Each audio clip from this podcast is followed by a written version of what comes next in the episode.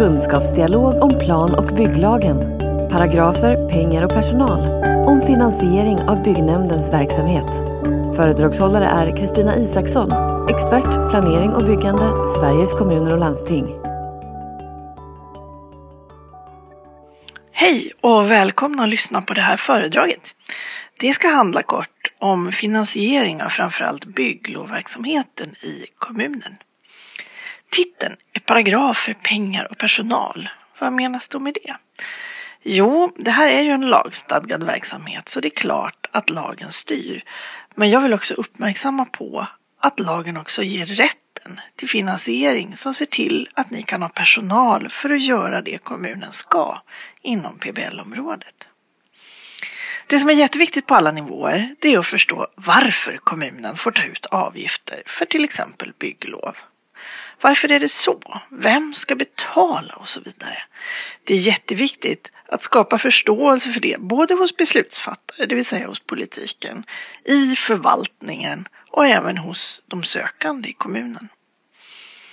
Och om vi nu tar det här orsakssambandet och tittar på det så ser det ut ungefär så här.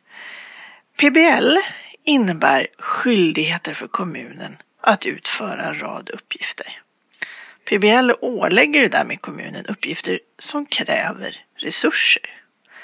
De här resurserna består förstås av personal som kan utföra dem, men även den utrustning personalen behöver för att kunna göra sitt jobb och så vidare. Byggnadsnämnden behöver alltså detta för att kunna uppfylla de skyldigheter som lagstiftningen lägger på nämnden. Men PBL ger inte bara kommunen de här skyldigheterna utan ger också kommunen rättigheten att få finansiera stora delar av sin PBL-anknutna verksamhet med avgifter via en taxa. Avgifterna som tas in via taxan är alltså till för att kommunen ska kunna bedriva den verksamhet som uppgiften kräver. Det är så verksamheten ska drivas runt. Och det här är som sagt jätteviktigt att förstå.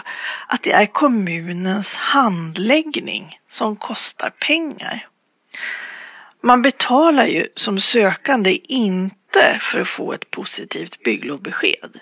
Utan det man betalar för det är att kommunen ska lägga resurser på att hantera den ansökan om bygglov man har lämnat in.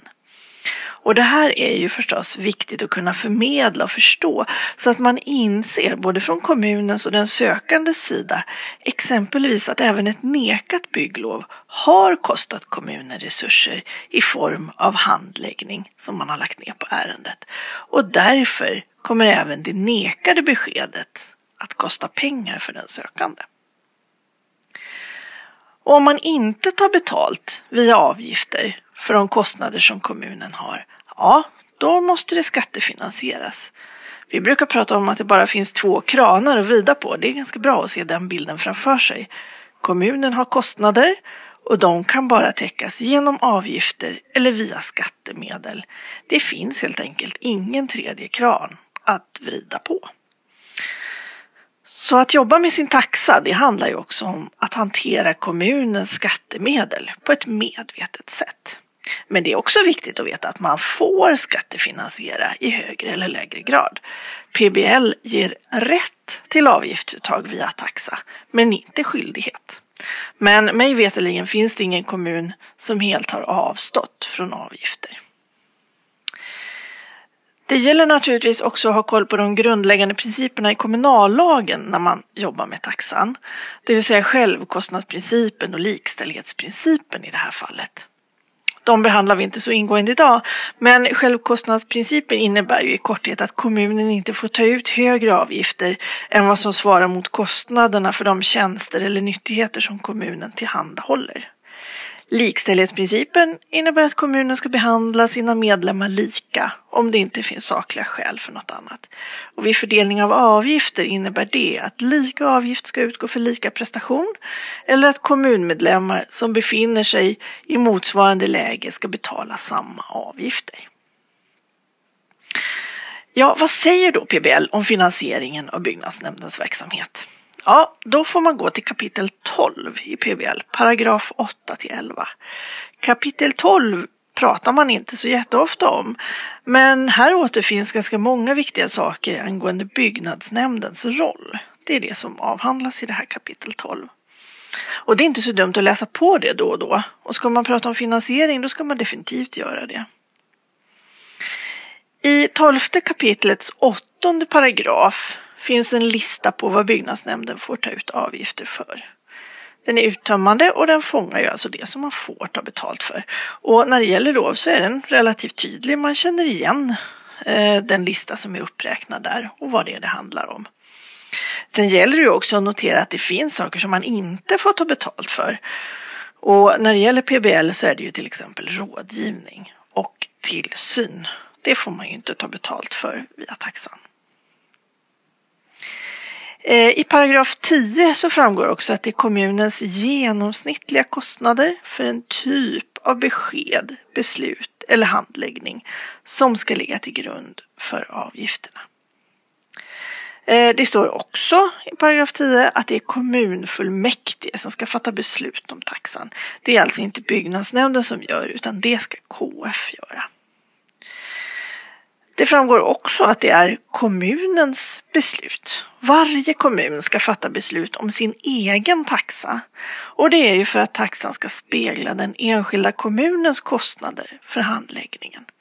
Och det här kan ju förstås variera beroende på olika faktorer. Så det finns ju ingenting som säger att taxan ska vara likadan eller lika stor för landets olika kommuner. Och det kan vara bra att påpeka det här många gånger. Det är kommunens handläggning som ska finansieras via taxan. Det kan också vara bra att påpeka vad taxan inte är. Taxan ska ju inte vara ett medel för att styra den sökandes beteende. Och den ska heller inte kopplas till den sökandes prestation, den sökandes ekonomiska situation eller andra omständigheter av den sorten. Ja, lagen säger alltså att kommunen får ta ut avgifter via taxa. Lagen säger däremot ingenting om hur taxan ska se ut eller byggas upp, utan det är upp till kommunen. Att göra en taxa från grunden, det är ju ganska komplext och väldigt tidskrävande. Och om alla 290 kommuner gör olika är det förstås också upplagt för en ganska splittrad bild i landet som helhet. Där kommer SKLs underlag för taxekonstruktion in i bilden. Sveriges kommuner och landsting, det vill säga SKL, är en politiskt styrd intresseorganisation, ingen myndighet. Det kan vara bra att påpeka då och då, för det är inte alltid man har det klart för sig. Men vi som organisation arbetar med att stödja våra medlemmar, i det här fallet och kommunerna, i olika sammanhang. Och taxor och finansiering är ett sådant sammanhang. Så det vi gör är att vi tar fram underlag som kommunerna kan använda för att jobba fram sin egen taxa.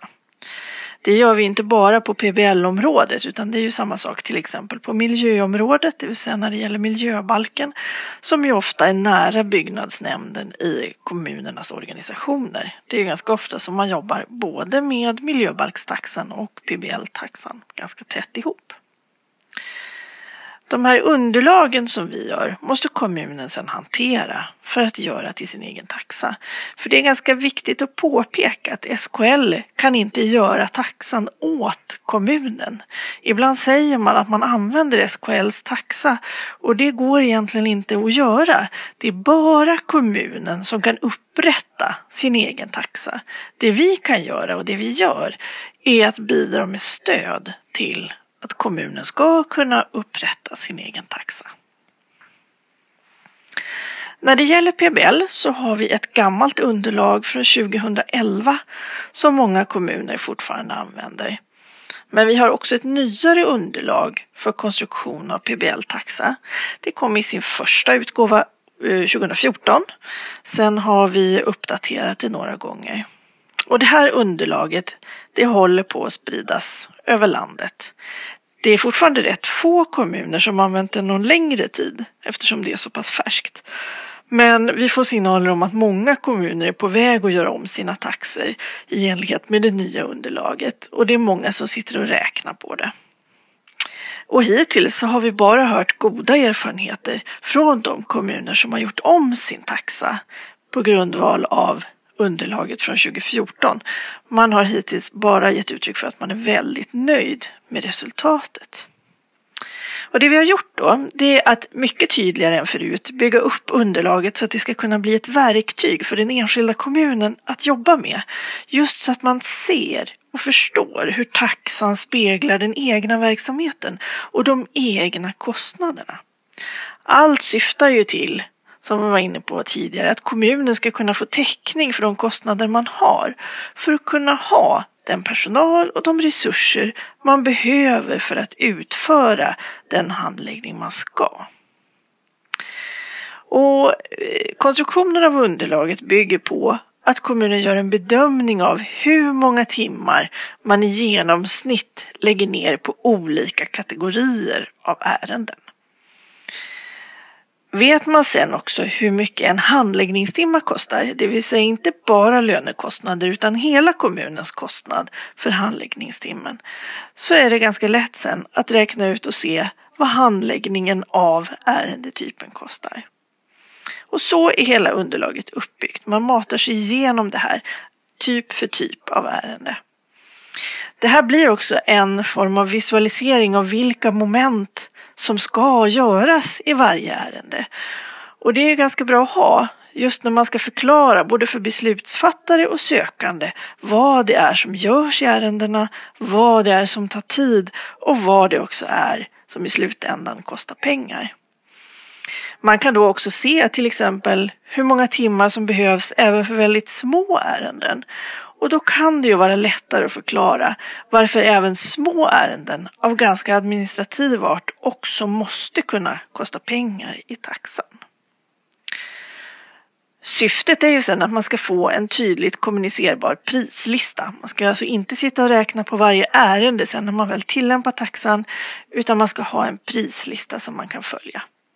Och vi ser som sagt att det fungerar jättebra i de kommuner som använder sig av den här metoden redan. När det gäller detaljplan så är vårt underlag mindre detaljerat. Eh, och här så fortsätter vi bearbetningen och kommer att jobba vidare med den delen av underlaget. Man kan alltså med fog säga att en välfungerande taxa det är en nyckel till att få en sammanhållen och medveten finansiering av byggnadsnämndens verksamhet. Och jag vill bara uppmuntra till att man verkligen tar itu med sin taxa. Att man håller den levande och gör den till sin. att man ser till att alla förstår den. För det är då den blir ett redskap att koppla till budget och till personal. Byggnadsnämnden ska ju kunna bedriva den verksamhet man ska sköta. Och då gäller det också att använda det redskap som man kan ha genom en väl fungerande taxa. Så uppmaningen är helt enkelt, gör taxan till er. Se till att den samspelar med budget och personalsättning och se till att skapa förståelse för den. Då blir den dessutom så mycket roligare och bättre att jobba med.